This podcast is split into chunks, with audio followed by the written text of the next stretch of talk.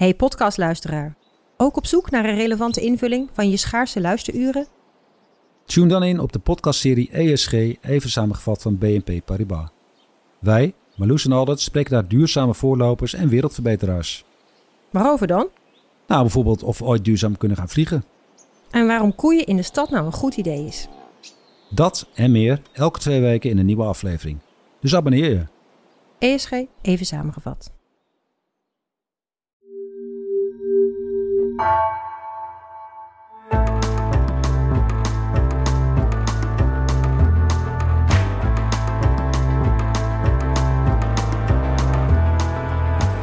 Welkom bij het uur. Waarom slapen we eigenlijk? Zijn er ook diersoorten die niet slapen? En wat als de slaap niet wil komen? Ooit God slaap, er gaat toch flink wat tijd in zitten, als een soort mysterie. En nu wordt steeds meer duidelijk. Slaap is cruciaal voor het menselijk lichaam. Wie niet slaapt, in het kort, gaat dood. Er zijn aanwijzingen dat slecht slapen of te weinig slapen verantwoordelijk is voor veel ziektes en aandoeningen. Depressie bijvoorbeeld. En dat is alarmerend, want er wordt tekort geslapen. Het zou bovenaan de politieke agenda moeten staan, maar onze leiders die scheppen juist op over hun gebrek aan slaap. Mijn gast dit uur trotseerde ooit korte nachten voor zijn wetenschappelijke carrière. Nu is hij een van Nederlands vooraanstaande slaapexperts. Eus van Zomeren, hoogleraar aan de VU en de man van het slaaplab in het Nederlands Herseninstituut. Welkom bij het uur met Eus van Zomeren.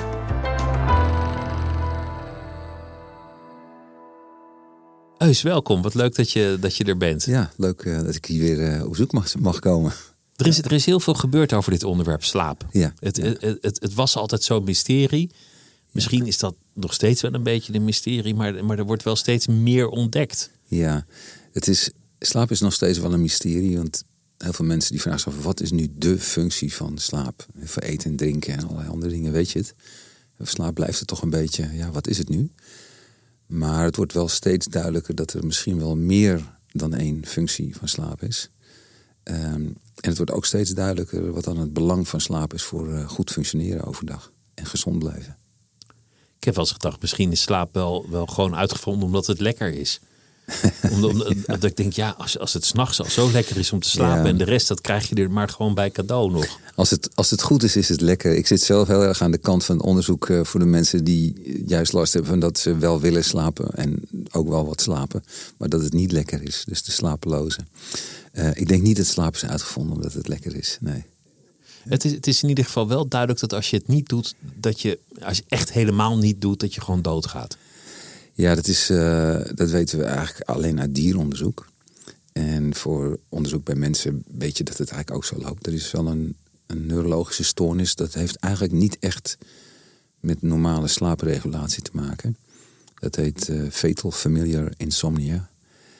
Um, ja, en dat is, een, dat is een, een ziekte waarbij je dan op een gegeven moment ook helemaal niet meer slaapt. En het brein degenereert meer en meer en meer.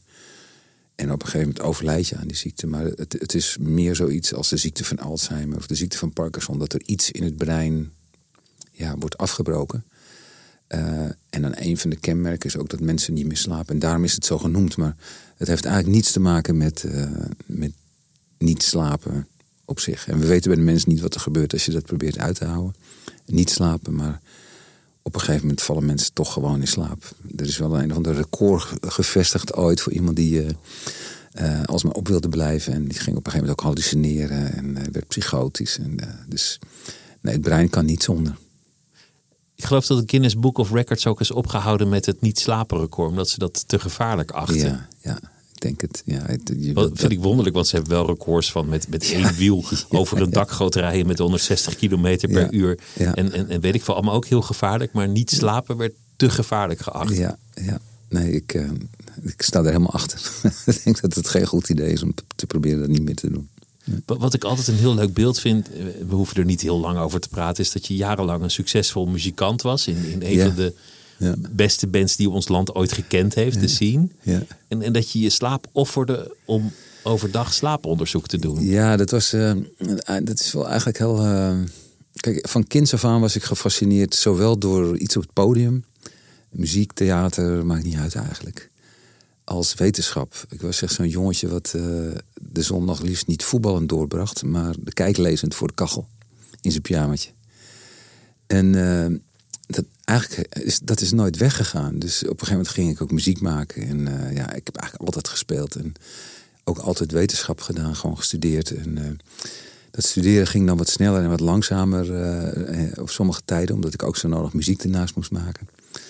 Maar ik heb het altijd samen gedaan. En het paste voor mijn gevoel ook heel erg goed bij elkaar. Ik was bij muziek altijd bezig met ja, zeg maar de randjes opzoeken. Als je een een G-akkoord en een C hebt gespeeld, dan moet je daarna een D spelen. Van, nou, wat nu als we dat nou eens niet doen? En, en kijken waar je dan komt. Ehm, en in de wetenschap is het eigenlijk ook precies hetzelfde zo geweest. Dat, er, zijn, er is van die handboekkennis. En als ik dan daar eens nog eens ingraaf, dan denk ik van ja, maar klopt dit wel? En dan zoek ik daar ook de randjes op van wie heeft het eigenlijk echt laten zien? En dan ga je daar, dan duik je erin, dan ga je oude artikelen lezen. En dan denk je van nee, dit klopt eigenlijk helemaal niet. Het zou ook anders kunnen zijn. Ja, en dan ga je daar, je gaat dan op onderzoek uit. En in, in het schrijven van muziek was het eigenlijk hetzelfde. ging ik ook op onderzoek uit. Ook een creatieve bezigheid. Was dat niet moordend moeilijk om dan met slaapgebrek, als je terugkwam van een optreden. Jullie, jullie speelden veel in België, herinner ik me. Ja, ja, ja. En dan kom je terug, terug uit, uh, nou ja, Mechelen. En dan moet je de volgende dag om negen uur weer in het lab zitten. Het waren wel, het waren echt tropenjaren, dat uh, zeker. Want ja, inderdaad, dan, dan uh, meedraaien. Eigenlijk wil je meedraaien met twee schema's. Eentje is dan uh, met de muziek. Ja, en als je dan uh, mazzel hebt, zou je om een uur of één s'nachts naar huis kunnen rijden. En als het in België is, is dat nog een heel stuk. Maar vele anderen in de band, die hadden zoiets van, hé, een huis. Weet je wel hoe gezellig het hier is? En heb je die drankenkast gezien? En weet je wie er allemaal zijn? Dus dat was dan vaak wel een beetje gevecht om te zorgen dat je nog voor licht thuis was. Ja, en dan, uh, het was wel zo dat mijn, mijn, uh, mijn baas op het herseninstituut, die had wel veel coulance met me. Die zag ook wel dat, dat het soms niet ging. En dan kon ik ook wel deeltijd in het onderzoek verder. Dus die heeft me eigenlijk behouden voor, voor het onderzoek. Maar het, was, het waren even goed tropenjaren. Want de ene keer ben je weer laat en de volgende keer weer vroeg. Het schuiven met je ritme, dat is gewoon helemaal niet, niet goed. Dat, dat weet je nu ook uit, uit het onderzoek. Waarom werd slaap jouw onderwerp? Er zijn zoveel onderwerpen waar je door gefascineerd kan raken. Ja, dat is, het, waarom ervan weet ik niet. Maar ik kan me nog wel het moment herinneren dat het gebeurde. Um, we hadden een practicum. Ik studeerde psychofysiologie. Dus dat heeft iets te maken met wat kun je meten aan het lichaam. Uh, en wat heeft dat, ja, hoe, reflecteert dat dingen die, die mensen voelen of denken. En moesten EEG meten van iemand die in slaap viel. Uh, dus we waren met zijn ploegje studenten en eentje ging in de slaapkamer liggen met van die plakkers op zijn hoofd. En wij keken naar zo'n oude papierschrijver die toen gebruikt werd, ook, ook bij neurologie-metingen. en dan zag je die pennetjes, die inktspuiten op het papier wat zo doorrolt. En ik zag iemand in slaap vallen en ik nou, wat ik zag gebeuren op dat, zeg maar, die hersengolven, dat, ik vond het zo fascinerend.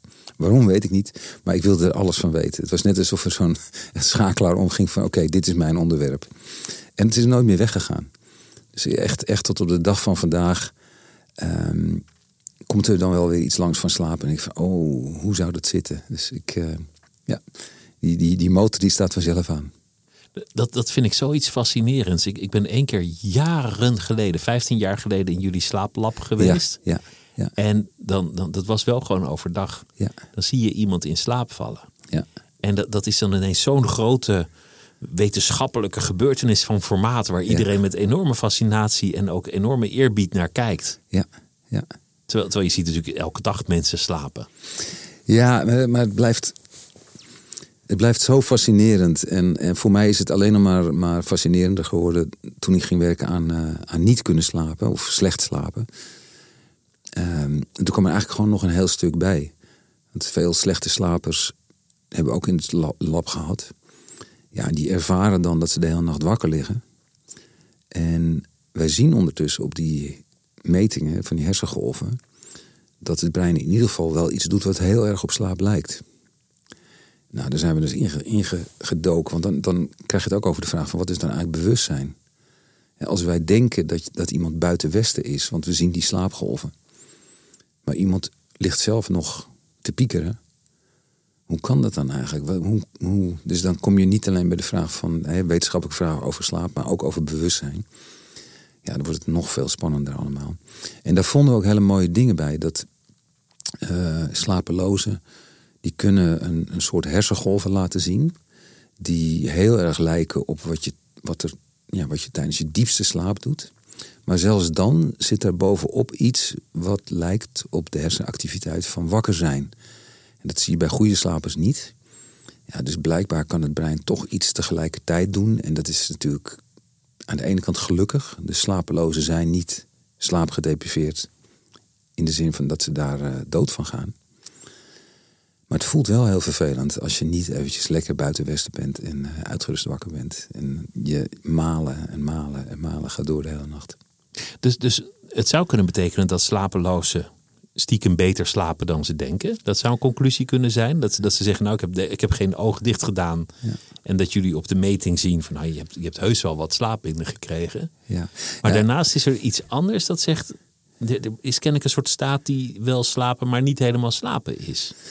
Ja, ik denk dat het. Dat het uh, ik zou heel voorzichtig zijn met uh, dat ze toch beter slapen dan ze zelf denken. Omdat je mensen serieus moet nemen. Ja, je moet mensen serieus nemen en het voelt helemaal niet als beter. Uh, ik zeg het zelf het liefst zo dat, dat er gelukkig, eh, ondanks hoeveel last ze daarvan hebben, toch iets in het brein is wat waarschijnlijk meepakt waar slaap goed voor is. En dat is ook de reden dat ze niet na twee weken niet slapen overlijden. Uh, want er gebeurt toch iets wat, wat van belang is voor het brein, uh, wat, ja, wat met slaap te maken heeft. Maar aan de andere kant zien we ook steeds meer dat er dingen gebeuren die, ja, die eigenlijk niet goed zijn. We zijn uh, de laatste jaren zijn we steeds meer gaan kijken naar ehm, de vraag. Ik ben eigenlijk ook een beetje afgedreven, maar ook weer niet helemaal. Van slapen naar gewoon goed functioneren overdag. Dus ben je somber of ben je vrolijk? Ben je angstig of ben je zelfverzekerd?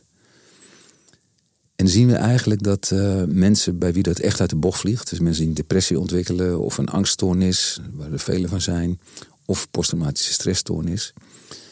Als je dan gaat kijken, waar komt dat dan door? Ja, iedereen zegt van ja, het zal wel stress zijn. En dan duik je daar dieper in en dan zie je helemaal niet dat, dat, dat iedereen die heel veel stress heeft, dan angst of depressie uh, of, of posttraumatische stress ontwikkelt.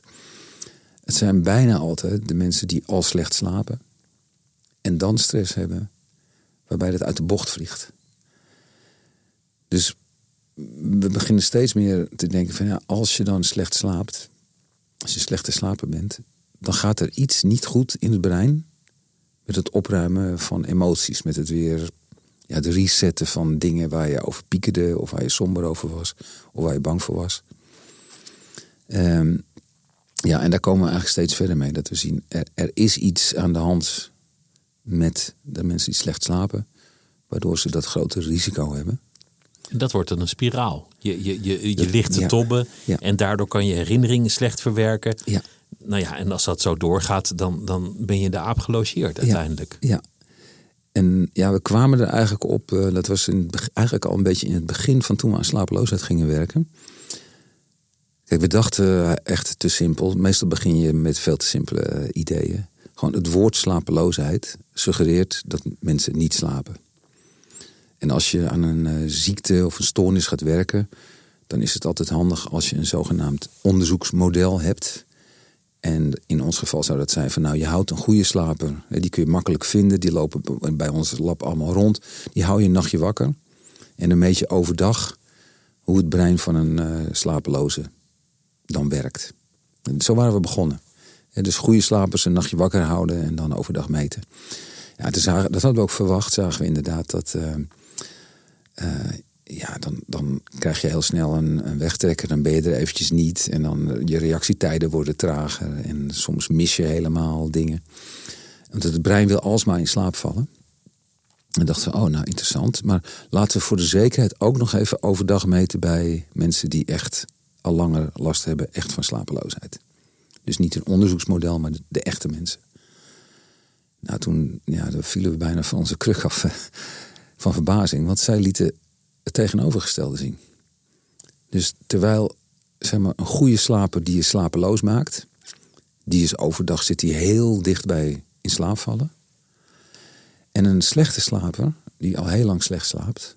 als je die overdag meet, hoe je dat ook doet met reactietijden of met uh, eh, EEG-golven, dan zit zo iemand veel dichter tegen hyper zijn. bang zijn, eh, van slag zijn aan. Reactietijden bijvoorbeeld zijn eerder sneller dan langzamer. En ze missen helemaal nooit eigenlijk een, een, iets wat je aanbiedt. En je zegt je moet op een knopje drukken als je dit ziet. Dus dat was, wel, dat was heel erg raar. Ze lieten het tegenovergestelde zien van wat je bereikt met iemand een goede slaper, slapeloos maken. Dus er is een soort verandering in dat brein, waardoor het lijkt te compenseren wellicht nou, voor langdurig slecht slapen. We, we, zijn daar ingedoken en, en uh, waar we vooral heel erg uh, op zijn gaan richten is, als je dan vraagt aan mensen, hoe voel je je dan? Ja, iedereen voelt zich moe. Goede slapers, slechte slapers na zo'n beroerde nacht.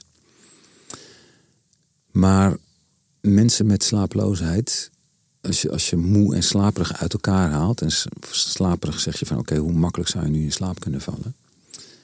Daar zit het verschil. Dus een goede slaper die je nacht wakker houdt, die kan zo in slaap vallen. Een slechte slaper kan, ook al slaapt iemand 10, 20, 30 jaar slecht, kan overdag nog steeds niet goed in slaap vallen. En wat zo iemand dan ervaart, is eerder in plaats van slaperigheid, eerder spanning. En spanning, dat is een soort sleutelwoord geworden bij ons onderzoek. Van daar zit, een, ja, daar, daar zit iets heel belangrijks. Want als je je alsmaar gespannen voelt, dan wordt het ook heel makkelijk om ja, dan op een gegeven moment echt om te vallen, depressie te ontwikkelen, uitgeput te raken, burn-out, een angststoornis te ontwikkelen. Je, als je iets stressvols hebt meegemaakt en je een posttraumatische stressstoornis te ontwikkelen. Dus spanning is hetgene wat je als slechte slaper niet over de nacht heen kan opruimen. Nou, daar zijn we ingedoken. En we vonden tot, tot onze verbazing dat er zelfs slechte slapers zijn, zeg maar de slechtste slapers daaronder. Die dan over de nacht heen, hadden een heel mooi onderzoeksprotocol voor bedacht. In plaats van dat ze spanning kwijtraken, lijkt het alsof slaap hun spanning oppompt. Dus het wordt meer. Ze worden slechter wakker dan ze gaan slapen. Ja, dat was iets. Uh, toen we dat vonden, dus daar zijn we, toen zijn we echt ingedoken van: oké, we moeten begrijpen hoe slapeloosheid en het niet kunnen kwijtraken van spanning, hoe dat samenhangt. Want als we dat begrijpen en misschien kunnen oplossen, dan zouden misschien niet alleen kunnen voor die spiraal van gespannen, slecht slapen, gespannen, slecht slapen. Maar misschien zelfs ook in het voorkomen van dat je dan op een gegeven moment omvalt. Maar als je, als je dat zou kunnen aantonen, dus die correlatie tussen gebrekkig slapen of, of slaapgebrek en aan de andere kant allerlei psychische aandoeningen, zoals, zoals depressie of angststoornissen, ja. Dat, lijkt me een doorbraak van formaat. Ja, nou, het was ook voor ons. Ehm, ja, we, we, hebben pas iets gevonden, ik zal het zo uitleggen, maar de, aanleiding ervoor was, we zagen dus in, onze, in ons labonderzoek uh, met EEG's maken en mensen in de hersenscanner, uh, de MRI-scanner uh, leggen, zagen we dat er echt iets bij slechte slapers niet goed oploste over de, over de nacht heen. En toen dachten we, oh, zou dit nou ook, is dit alleen in het lab van belang, hè, voor, alleen voor academici, voor onderzoekers? Of zou dat in de echte wereld ook iets betekenen? En we hadden toevallig uh, een paar jaar daarvoor hadden we slechte slapers allerlei soorten behandelingen aangeboden. Dat waren slechte slapers, die hadden geen depressie, die hadden geen angststoornis, die waren gewoon verder oké. Wel last van de slechte slapen natuurlijk. Toen zijn we, dat was helemaal ongepland, maar we zijn die mensen gaan eh, benaderen en gezegd van zouden we eens met jou mogen doornemen hoe jouw afgelopen drie, vier jaar er hebben uitgezien qua stemming. Nou, toen kwamen we erachter dat de slapelozen die geen behandeling hadden gehad, dat is helemaal niets. Twee van de vijf hadden in de tussentijd een depressie ontwikkeld. Dus een klinische, ja, dat kan je klinisch vaststellen. Nou, dat is nogal wat. Het was 43 procent. En toen zijn we ook gaan kijken bij de mensen die we wel een behandeling hadden aangeboden. Er was een, ja, zeg maar een relatief eenvoudige behandeling, dus een beetje behandelen. Nou, dat was daar gezakt naar 38 procent. Dus dat maakte eigenlijk niet zoveel uit. Het is nog steeds 2 op de 5. Maar er waren ook mensen die hadden een hele intense behandeling gehad. Van verschillende soorten. Drie verschillende soorten hele intense behandelingen. En uh, dat schommelde een beetje zo rond de 16 procent. Dus 1 op de 8 had daar een depressie ontwikkeld. Ja, dat is dat, dat zijn het soort dingen die, die vind je normaal gesproken in je hele leven niet. Iets wat zo effectief is. Hele stevige correlatie en ook een heel stevige aanwijzing dat je iets kan voorkomen. Ja. Mi- Misschien moeten we even uitstappen en naar een wat breder plaatje van. Ja. Want, want daar kom je toch op uit. Wat is dan slaap eigenlijk? Ja. Zijn er bijvoorbeeld diersoorten bekend die niet slapen? Nou, er zijn wel, eh, volgens mij zijn er geen diersoorten die niet slapen. Dus slaap is overal, eh, komt overal voor. Er zijn wel dieren die op bepaalde momenten in hun leven niet slapen. Bijvoorbeeld als een, eh, een las ik laatst een keertje, een, een walvis een jonkie heeft. Dan slaapt zij, en die moeder dan, die is de sigaar, die slaapt weken niet. Want het is zo kwetsbaar, die heeft bewaking Ja. nodig. Ze moeten zwemmen. Ja. De- ja, er zijn allemaal roofdieren, haaien Ja. die ook wel een walvisje lusten. En die, blijkbaar kan dat dus, eh, kan dat dus tijdelijk eh, uitgezet worden of uitgesteld worden. Eh, maar alle dieren slapen in principe. Ja. Dus het heeft, het heeft een, een functie in de natuur. J- jullie zien dat brein als iemand in slaap Ja. valt. Ja. Dan, dan, dan, dan zien jullie waarschijnlijk golven op de een of andere manier. Ja, En wat je had leest is dat je dan, dat je dan langere golven krijgt. Wat, wat, wat is dat? ja. we, kijk, er is, er is lang gedacht totdat die EEG-metingen, eh, ja, toen, toen wisten dat dat kon, is la- lang gedacht dat het brein uitstaat tijdens slaap. Dat het gewoon even tot rust kan komen. Maar dat gebeurt helemaal niet. Dat is, kan wel je ervaring zijn als goede slaper.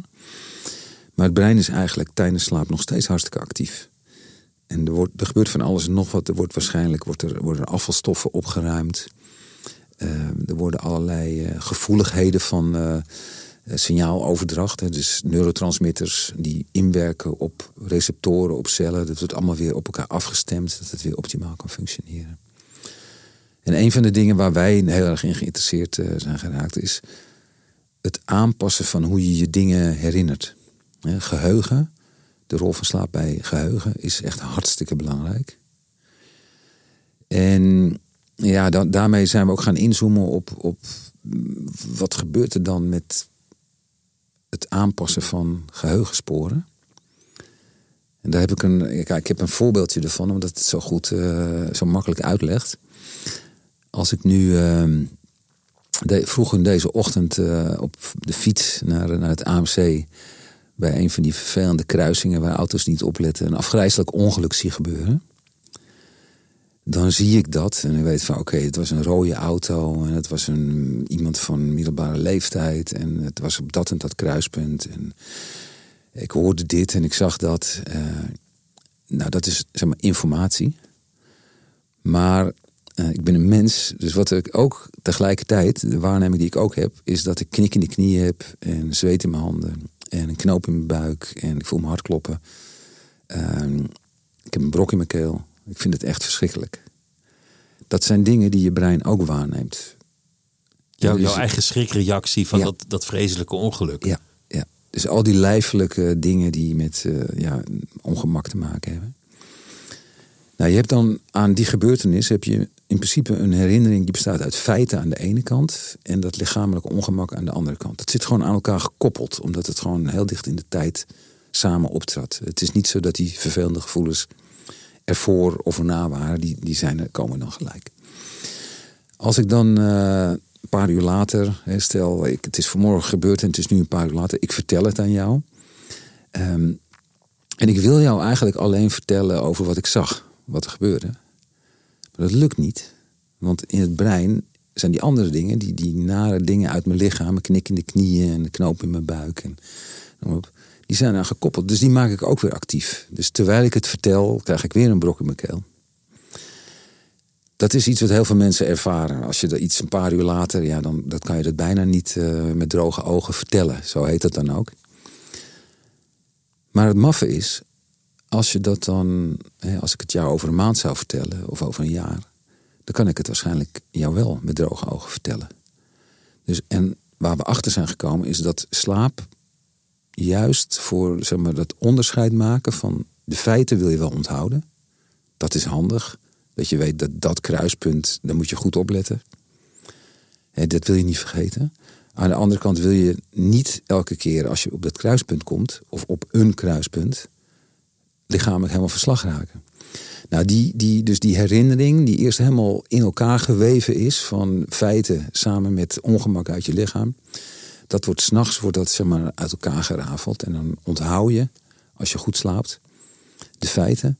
En je raakt die nare, vervelende gevoelens uit je lijf. Die horen daar niet meer bij. Die worden gewoon weggepoetst. Dus het is een soort verwerking van emoties. Of het Ja. loskoppelen van feitelijke herinneringen van Ja. emoties. Dat, Ja. dat gebeurt tijdens je slaap. Ja, Dan, dan heb ik s'nachts altijd hele rare dromen.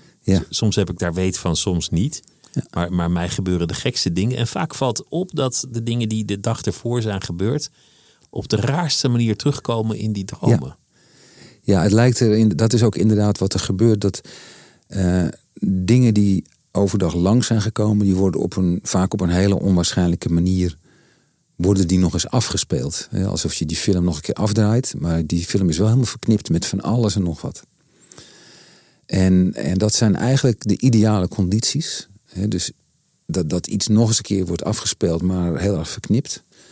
Dat zijn ideale condities voor de hersenen om dat soort processen te doen als het ontkoppelen van die lichamelijke spanning ah, van de feiten. En ook, ja, je wil misschien niet alle details onthouden. Weet je. Dat, dan raakt je brein misschien wel helemaal overvoerd op den duur. Misschien wel vol als een soort harde schijf waar niks meer bij kan. Ja. Dus eh, dat is echt een, dat is een proces wat, wat s'nachts gebeurt. Nou, dat, is, dat was mooi dat we dat vonden. Eh, toen gingen we natuurlijk ook kijken hoe zit het dan bij, die slapelozen die zoveel risico hebben om. Als je dus een slapeloze meet overdag, dan zie je die spanning. Zie je, dus dat, dat, wat heel erg lijkt op knik in de knieën, hoge hartslag, eh, knoop in je buik, eh, zweet in je handen, noem maar op. En toen vonden we inderdaad dat slapeloze, de gemiddelde slapeloze, is niet zo goed in het over de nacht heen ontkoppelen van die lichamelijke narigheid van de feiten. Maar de allerslechtste onder de slechte slapers, daar vonden we ja, iets wat eigenlijk nog verontrustender was. Dat ze over de nacht heen, hè, dus hun slaap doet iets averechts. Maakt eigenlijk dat die spanning die gekoppeld is aan een ervaring, sterker gekoppeld wordt. In plaats van los wordt gelaten. Ja, dan zijn, kan je je makkelijk voorstellen, dan zijn de rapen natuurlijk gaar. Want als je dan, als dat alsmaar doorgaat, dit, dit is een heel extreem voorbeeld. Gelukkig heb je dat niet elke dag. Maar stel je voor dat in de supermarkt eh, de cashier een beetje onaardig tegen je deed. En dat je van, verdomme, en dan voel je daar niet lekker over of geïrriteerd. En als je dan de rest van je leven, als je in de supermarkt komt, je een beetje gespannen voelt. En niet, niet meer weet waarom dat is omdat het een supermarkt is en dat is gekoppeld in je brein aan spanning. En dat, ja, als je dat voortzet in allerlei omgevingen en, en, en ervaringen, dan wordt het je heel, heel makkelijk om je voor te stellen dat je dan, ja, dan, dan eindig je als een alsmaar gespannen iemand in elke situatie. Omdat je die spanning niet verwerkt, niet opruimt. Ja, Dus, dus Ja. trauma's, om het, om het maar eens Ja. een graadje erger te maken, die, die hebben ook slaap nodig. ja, Het zijn ook heel veel gezegden in heel veel talen. Van, van laat de slaap eroverheen gaan. Of ik moet er een nachtje over slapen. Of eh, het parlement van de dromen moet hierover beslissen. Precies. Dat is ook zo mooi. ja, precies. Wa- Wat zijn dan de slapelozen? Is dat een aangeboren conditie? Een, een, een andere werking van het brein? Nou, slapelozen hebben inderdaad wel een. een eh, het is gedeeltelijk genetisch bepaald. Dus als je kijkt in hele grote groepen mensen, eh, dan is ongeveer 40 procent. Het is altijd een beetje moeilijk uit te leggen wat het dan betekent. Maar je zou kunnen zeggen, als je uit een nest van slechte slapers komt, dan is de kans echt een stuk groter dat je daar ook problemen mee kunt gaan krijgen. Gelukkig niet iedereen. Ehm, dus gedeeltelijk heb je dat bij je. En we hebben ook eh, samen met een onderzoeksgroep in, eh, in Amsterdam... hebben we ook iets van de genetica kunnen achterhalen. Dus er zijn bepaalde genen, als je daar een bepaalde variant van hebt. Dus genen kunnen op verschillende manieren opgebouwd zijn. Eh, als die op een bepaalde manier zijn opgebouwd... Ja, dan heb je net een ietsje hoger risico om slapeloosheid te ontwikkelen. Ehm, nou, dus ja, inderdaad, je kan er eh, kwetsbaarder voor zijn. Wat het eh, fascinerende van die bevinding weer was, van die genetisch, dat genetisch onderzoek, is dat als je dan kijkt in het brein, waar worden die genen gebruikt? Bijvoorbeeld de genen voor rood haar, die worden helemaal niet in je brein gebruikt. Die zijn om rood haar te krijgen. En zo zijn er allerlei genen die, die eh, in allerlei cellen in het lichaam nooit gebruikt worden en alleen in sommige plekken wel. Dan zie je dat die, die genen vooral gebruikt worden in de hersengebieden die te maken hebben met het regelen van emoties. Dus het risico voor slapeloosheid, er lijkt iets te zijn met ja, de circuits in je brein, de, de verbindingen in je brein die te maken hebben met het regelen van emotie. Daar zit die aanleg tot slapeloosheid in het Ja. gebied dat normaal verantwoordelijk is voor het reguleren van emoties. Ja, ja. Dat, Dus- dat overlapt heel erg met elkaar. Nou, dat is heel fascinerend. En, en als we dan zien van ja, hoe, hoe begint dat dan? Hoe begint dan dat, eh, dat verbrokkelde slapen? Eh, dat hebben we net toevallig vorige maand eh, gepubliceerd. Als je kijkt naar babytjes, babytjes slapen over het algemeen prima. En ja, ze kunnen nog niet heel goed de nacht doorslapen. Maar als je dan aan, aan ouders van babytjes vraagt waarvan we het DNA weten. En uit het DNA kun je een soort optelsom maken van hoeveel van die genen staan de verkeerde kant op. Hè, dus de kant van slapeloosheid op. Dan zie je bij babytjes al dat de ouders daarvan zeggen van... ja, dit is toch wel eentje die wat onrustiger slaapt.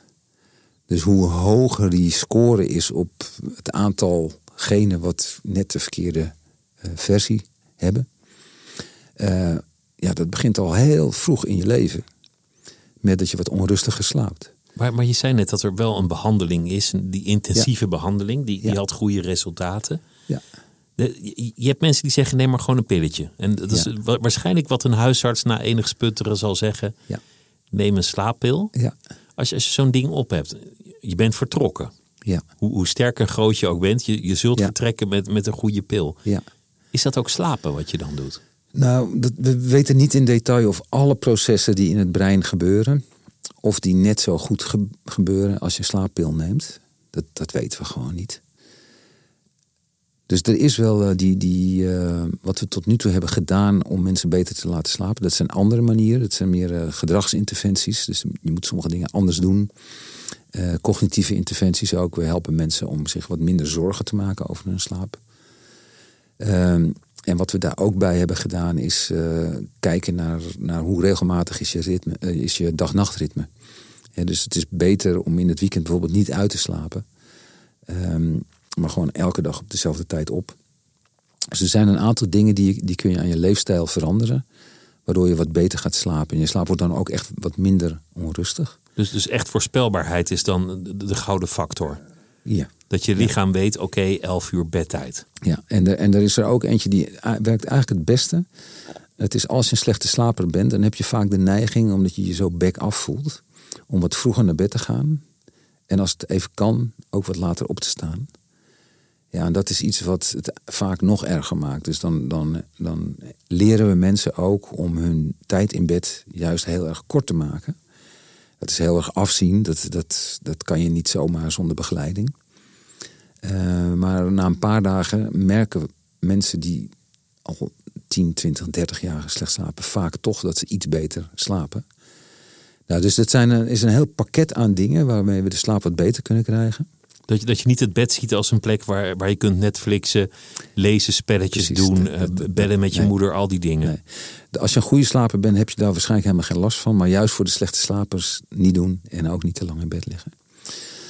Nou, dit is iets waar we. Ik vertelde je net over dat onderzoek bij het voorkomen van depressie, wat we dus blijkbaar mee kunnen doen. Ehm, aan de hand van wat we nu allemaal hebben, zijn we, dat wil ik toch even noemen. We zijn nu weer heel erg eh, aangewezen op slechte slapers. En ook op goede slapers, want we, eh, dat hebben we in het verleden ook vaker gedaan. We hebben slaapregister.nl, dat is onze website waarbij we dan mensen proberen mee te krijgen voor onderzoek. Ehm, we hebben nu gevonden, ook op grond van wat ze eerder hebben, hebben, die mensen eerder hebben gedaan, dat spanning heel erg belangrijk is. Dus we willen nu echt meer weten over spanning. Nou, dat, dat kunnen we vanuit ons ivoren torentje in dat kleine gebouw achter het AMC, kunnen we dat niet. Dus daar hebben we weer mensen voor nodig die naar slaapregister.nl gaan en alles willen vertellen over wat zij als spanning ervaren.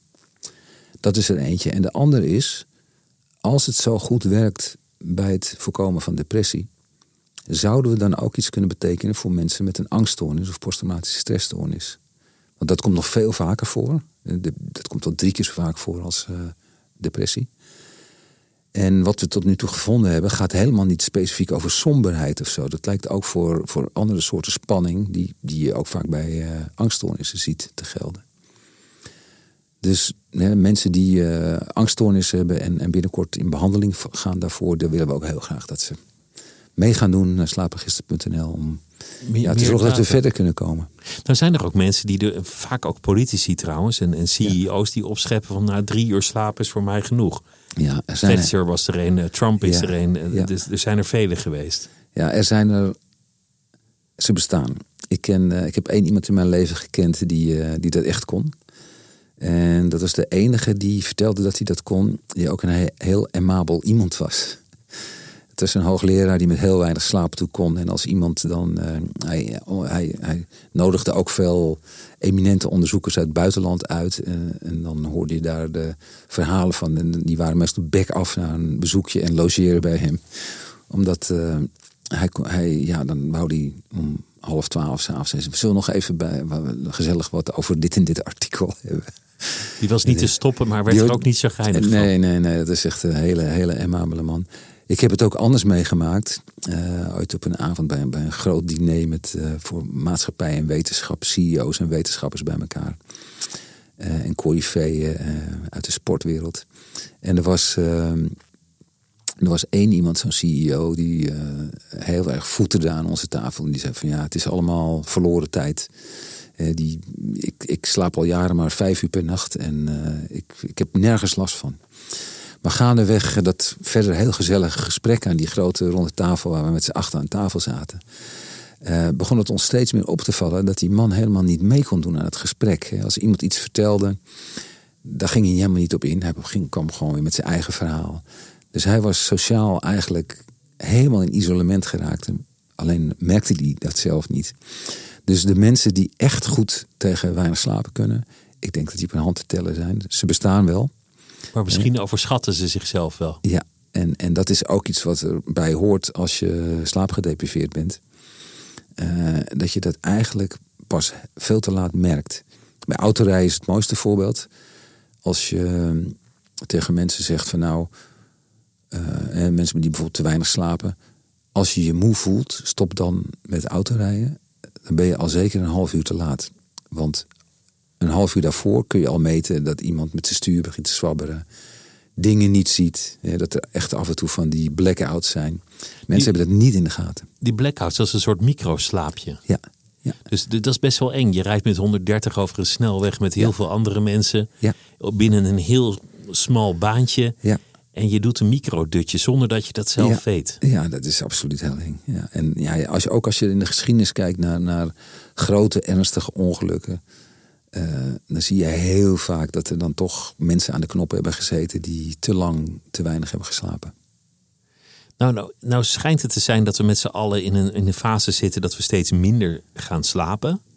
De, er is een fase geweest in de geschiedenis dat mensen meer zijn gaan slapen. Ja. Omdat het bed werd uitgevonden, goede uitvinding. Ja. Omdat uh, het huis met, met aparte slaapkamers werd uitgevonden, prachtige uitvinding. Het vuur, wat de wilde beesten weghield, ook zo'n goede uitvinding.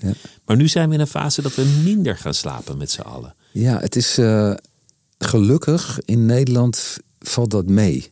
En er zijn uh, vooral onder de, de, de, jonge mensen zijn er nog wat mensen die dat doen.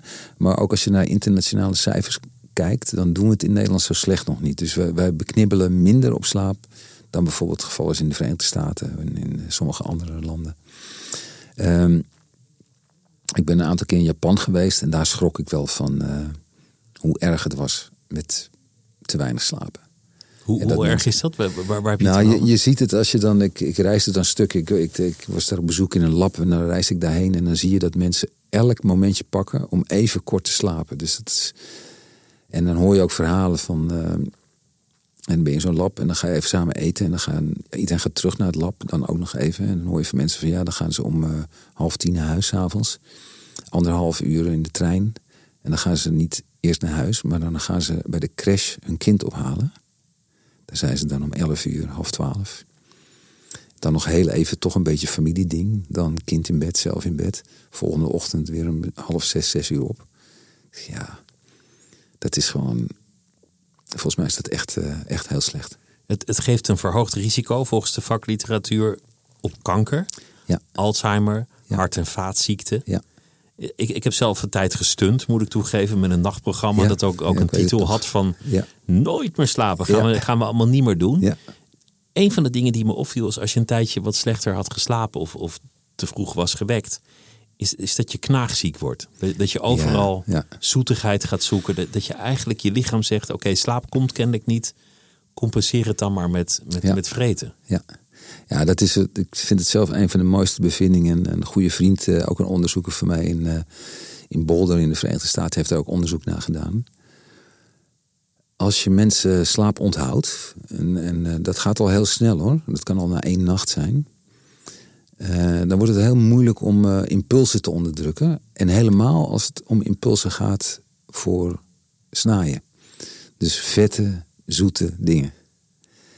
Ehm, wat ik daaruit leerde, en, en volgens mij klopt het ook echt, is dat stel je bent overgewicht en je, en je denkt van nou, ik zou, wel, ik zou toch wel iets lichter willen worden. Eh, ik ga minder eten. En als je dan- stel dat je ook niet zo goed slaapt of te weinig slaapt, dan maak je eigenlijk geen kans. Dat ga je gewoon niet voor elkaar krijgen, want er is gewoon iets in je brein, een soort ja, uit je krokodillenhersenen komt een signaal, dat kun je niet onderdrukken. En dan denk je van, oké, ik moet nu snaaien. Gewoon suiker, vet, Ja, het- zout, het maakt niet uit. Ja, inslaan, het maar alsof in. je de winterslaap gaat voorbereiden. En als het dan tijd is om te sporten, dan denk je, ach, ik ben zo moe. Precies, dus, dus dat gaat allemaal niet. Dus eh, stel dat je dat zou willen eh, afvallen, dan moet je eigenlijk eerst checken van, eh, slaap ik goed genoeg en regelmatig? En als dat niet zo is, dan kun je het beste gaan starten met afvallen door beter te gaan slapen. En pas daarna eens een keer beginnen aan eh, je, je eetgedrag veranderen. En dat gaat dan gelijk ook veel makkelijker. Heb jij wel eens een nacht doorgehaald om een tentamen te halen? Eh, nooit helemaal doorgehaald. Wel te kort geslapen. En eh, het werkt niet echt goed bij me. Nee, kan ik je zeggen. Het is een ervaring Ik, eh, die ik deel. Dat je, dat je dan in die zaal zit, 's ochtends, de hele nacht geleerd en het is verdwenen. Ja, ik, ik, kijk, er zijn mensen die dat kunnen. En ja, bij mij niet. Ik ben echt een langzame leerder. Ik moet dingen heel langzaam opnemen. En dan, dan gaat het goed. En eventjes eh, heel hard buffelen. Een nachtje. Nee, dat, dat wordt niks. Ik heb in de tijd van... eh, nou, eigenlijk zowel in de wetenschap als, als ehm, met muziek. In de wetenschap heb je wel eens van die deadlines die je moet halen om weer verder te kunnen. Want je hebt weer subsidie nodig om je ploegje mensen te kunnen betalen en eh, weer verder onderzoek te kunnen doen. Ja, dan heb je deadlines en dan, dan moet je ook wel eens doorwerken. Ehm, en dan denk ik van oké, het is nu heel goed geworden. Het is drie uur, ik ga nu pitten. En dan zie je de volgende ochtend wat je dan hebt gedaan. Dan je, nou, had toch wel beter gekund. En met muziek maken eigenlijk hetzelfde ook wel eens. Dat je tot diep in de nacht eh, doorgaat eh, met... oh, dit is zo'n fantastische lik. Zo'n zo'n loopje wat je op je gitaar bedenkt. En eh, dit ritme erbij. En dan heb ik zoiets unieks. En dan de volgende ochtend luister je en je van... Nou, dit is echt... Hoe konden we dit goed vinden? Dit is al duizend keer gedaan. Het is zo helemaal niets. dus je beoordelingsvermogen neemt eigenlijk eh zienderogen af ook eh, als je te lang doorgaat. Andersom is wel bekend dat als je gaat leren kort voor het slapen gaan en je neemt daarna een goede nachtrust, dat, dat Ja. het ineens heel goed in je hoofd zit. Ja, En andersom is ook bekend dat heel veel grote hits in een droom of in een in Ja. slaap. Yesterday is het beroemdste voorbeeld. ja. Eh, Freddie Mercury had een piano bij zijn hoofdkussen, waardoor hij gekke akkoorden vond, omdat hij met zijn handen andersom vanaf zijn kussen Ja. speelde. ja. Dat, dat, kennelijk is er ook een creatieve functie van, Ja. van de slaap. Nou, dat is het, het mooie. Ik, ik noemde, eh, denk ik al even, dat. ehm, kijk, tijdens slaap zijn er allerlei dagresten die langskomen. Dus waar je mee bezig bent geweest. Die, die worden eigenlijk weer afgespeeld als een film, maar meer als een verknipte film. Echt gemengd met allerlei dingen die ergens anders in je brein zijn opgeslagen en weer naar boven komen.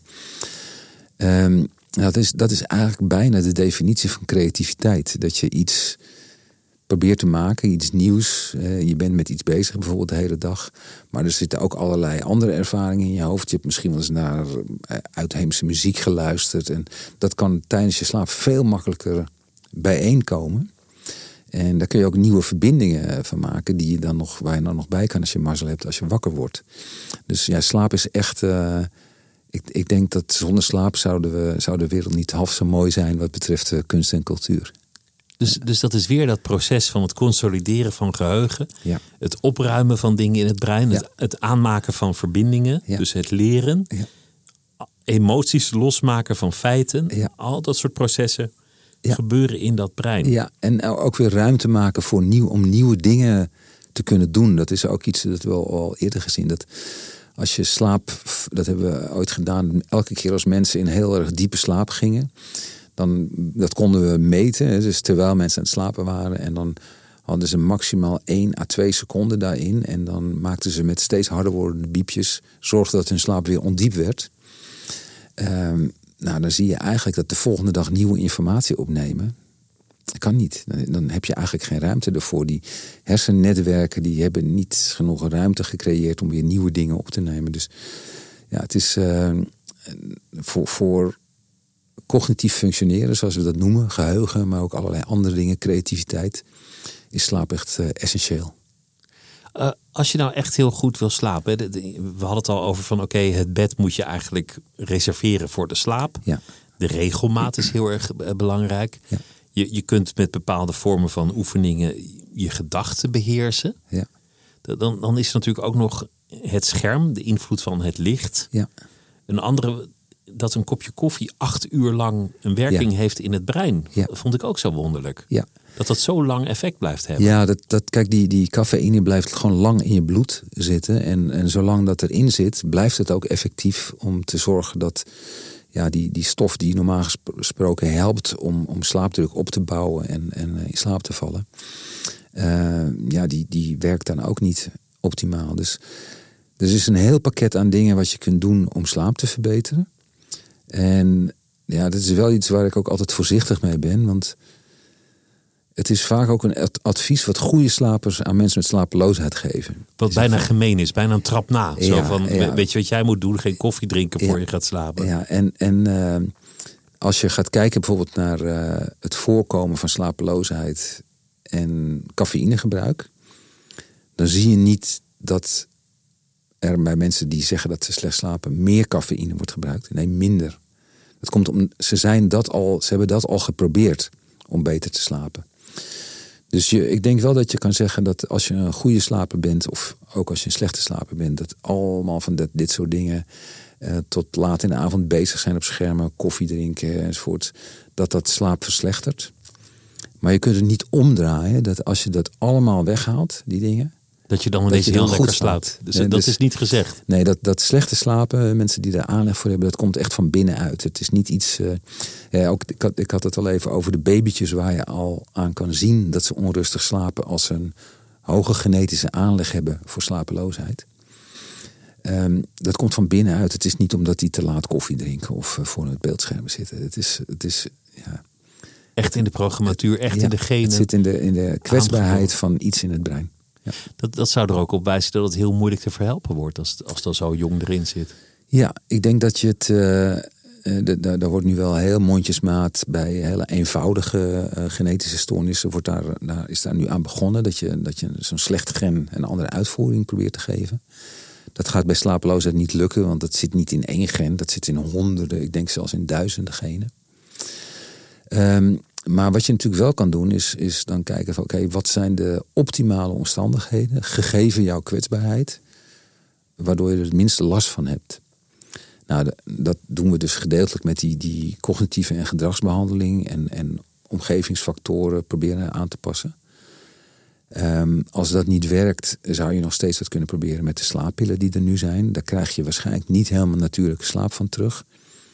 Het is ook risicovol. Je kan ook echt, eh, ja, het is ook, ja, of je nou wel of niet verslavingsgevoelig bent en of het dan wel of niet verslaving is. Het is natuurlijk heel moeilijk om te stoppen met iets waar je de ervaring van hebt dat, dat het je helpt. Maar we zijn nu ook bezig op grond van wat we, wat we vonden, van dat er iets averechts kan gaan gedurende de nacht. Daar hebben we ook meer in detail op ingezoomd waar dat gebeurt. In welke neurotransmittersystemen. Zijn we ook nu eh, onderzoek aan het voorbereiden, gaat dit jaar lopen. Waarbij we met een hele andere eh, medicijn of, of drug, of hoe je dat maar wil noemen. eh, gaan kijken of we de slaap zo kunnen beïnvloeden dat hij rustiger wordt. En dat het makkelijker wordt om over de nacht heen spanning kwijt te raken. En als dat werkt, dan denken we dat we iets hebben wat misschien wel beter is dan de huidige slaapmiddelen. De huidige slaapmiddelen zijn een soort die onderdrukken het wakker willen zijn in het allerlaatste stadium. En waar wij nu mee bezig zijn, is proberen om ja, slaap rustiger te houden in het allervroegste stadium. Dus meer in de krokodillenhersenen van het brein. Dus zorgen dat, dat die emoties wegblijven, dat je niet in paniek raakt. Of alle dingen die je uit je slaap kunnen ja, houden. Zorgen dat, zorgen dat slaap rustiger wordt op een manier zodat het slaap ook weer kan helpen om spanning op te ruimen over de nacht heen in plaats van erger te maken. Het is ook wel een heel mooi systeem. Iedereen kent het die wel eens naar een ander continent is gevlogen. Ja. Je, je, je hebt een, een interne klok Ja. die gewoon zegt nu is het bedtijd. Je, je bouwt slaap op in Ja. je brein, een soort stofje dat erbij komt. Dat kan je blokkeren met koffie, maar dan heb je alleen maar het symptoom weggehaald. Ja. En, en dan, dan is er ook nog de invloed van het licht van buiten en de omstandigheden van buiten. En al die radertjes die maken dan dat mechanisme waardoor je in slaap valt en weer wakker wordt. Ja. Moe bent en niet meer moe bent. Ja, ja het is een. ehm, kijk, dit zijn allemaal dingen die ook helpen om dat in een 24 uur dag ritmisch te hebben. Maar er zijn ook wel experimenten geweest, eh, ook al lang geleden. Mensen hebben zichzelf opgesloten in een bunker zonder enige klok of andere indicatie van tijd. Ook niet, niet met. eh, en je weet ook niet of het buiten licht is. Ehm, en dan gewoon weken tot maanden lang. En dan zie je dat mensen wel gewoon blijven slapen. Ook ondanks dat ze niet weten of het dag of nacht is. Het zit dus intern ergens. Het zit, zit er intern ergens. Maar het kan wel heel erg maf verschoven zijn. Mensen kunnen rustig een ander ritme aannemen. Bijvoorbeeld 24,5 of 25 uur. Ehm, ja, omdat je, je hebt helemaal geen indicatie van tijd. Dus je volgt gewoon wanneer je moe bent. En eh, wanneer je, je staat op wanneer je uitgerust bent. En dat is iets wat eh, mensen met blindheid eh, op oogniveau waar het ook wel voorkomt, waar dus helemaal geen indicatie van licht, omgevingslicht meer binnenkomt bij je krokodillenhersenen. Ehm, ja, die kunnen ook wel eens. En, en dat wordt dan pas duidelijk dat het iets te maken heeft met de biologische klok in het brein. Als, als ze hun, hun klachten rapporteren, zeggen ze nou. Het gaat soms even goed, een paar dagen, en dan heel langzaam sluipt het er weer in. Kan ik niet in slaap komen.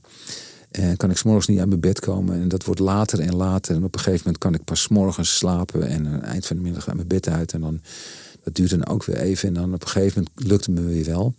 Ja, dat laat precies zien dat mensen in, bijvoorbeeld in een ritme van 25 uur. Wat ze in zich, wat de biologische klok in zich heeft. eh, door de dagen heen komen. En, en dan, ja, dan, is, er een gedeelte natuurlijk dat schuift door en door en door.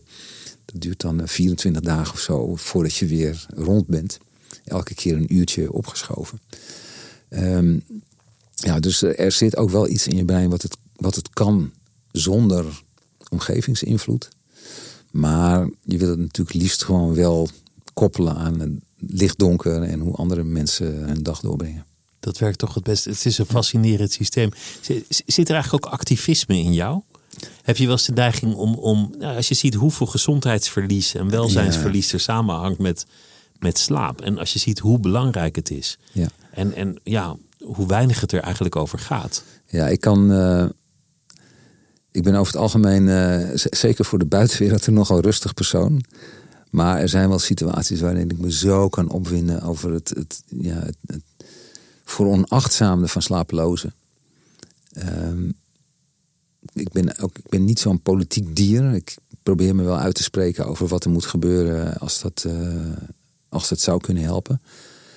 Maar waar ik me dus eh, maatloos over opwind, is dat er is een aantal jaar geleden ehm, is besloten van ja, die slaappillen, dat is eigenlijk niet de oplossing voor slapeloosheid. En dat onderschrijf ik ook. Dat kan, ja, als er echt niets anders werkt, dan zou ik ook niet zeggen je moet ze afschaffen, maar we zouden iets beter willen aanbieden. Dus die, de slaappillen zijn uit, het, eh, uit de ziektekostenvergoeding gehaald. We weten ook dat heel veel slechte slapers in ieder geval wat baat hebben bij cognitieve gedragsbehandeling voor insomnie. Dus dat zou ervoor in de plaats hebben moeten komen. Maar dat is niet uitgevoerd. Dus het eh, niet meer vergoeden van eh, slaappillen is wel uitgevoerd. Maar het zorgen dat die cognitieve gedragstherapie voor insomnie wel in het, in het pakket zit, dat is niet uitgevoerd. Nou, dat heeft allerlei consequenties. Dat bijvoorbeeld voor een psycholoog die dat prima kan, het is niet super ingewikkeld, maar die gaat dat toch niet leren, want die kan dat helemaal niet invoeren in het systeem. Ehm, dat heeft weer tot gevolg dat slapelozen geen psycholoog kunnen vinden die dat kan doen. Het is een hele betaalbare behandeling. Het duurt ja, zes keer zit je met zo'n psycholoog samen en, en dan heb je het eigenlijk heb je het, uh, gedaan. Um, en je kan er zoveel ellende mee voorkomen. Ten eerste al hoe beroerd mensen zich voelen door hun slapeloosheid. Maar ook ja, wat we nu hebben gezien, hoe, hoe goed je daarmee depressies kunt voorkomen. Ja, eigenlijk is het, het is weggegooid geld. Qua preventie. niet te doen. Qua preventie zou het een, een, een makkelijke gouden greep zijn. Het, gaat, het gaat over bewegen, gezond eten. Ja, dus dat zijn wel dingen, daar kan ik, kan ik me dan echt over opwinnen. Ik van verdorie, doe toch eens een keer iets. Laatst had eh, de Hersenstichting eh, heel dapper, die, die, die, die hebben dit ook in de gaten, die willen daar ook iets mee. Um, die hadden een mooie avond georganiseerd voor allerlei mensen die met slapeloosheid bezig zijn. Ook de ziektekostenverzekeraars uitgenodigd. Nou, er waren heel veel mensen. We zaten denk ik met z'n 25 aan tafel of zo. Maar niemand van de ziektekostenverzekeraars was daar. En ook niemand uit de politiek. Die we ook uitgenodigd waren. Dus het is wel, nou dan kan ik echt uh, denken, oh, Dit zou bovenaan de agenda moeten staan absoluut, eigenlijk. Absoluut, ja, ja. Er is zoveel leed mee, uh, mee te voorkomen en uh, behandelen. Dankjewel dat je langs wilde komen. Het was een, was een groot genoegen om je, om je weer te spreken. Heel graag gedaan, Pieter. Dank je. En dat was het uur voor deze week. Het uur wordt gemaakt door Mira Zeehandelaar, productie Celine Cornelis. En mijn naam is Pieter van der Wielen. Tot volgende week.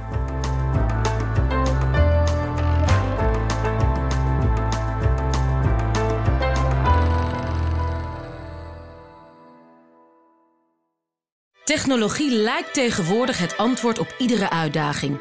Bij PwC zien we dit anders. Als we de potentie van technologie willen benutten, kunnen we niet zonder een menselijk perspectief. Human-led, tech-powered noemen we dat. Ga naar pwc.nl.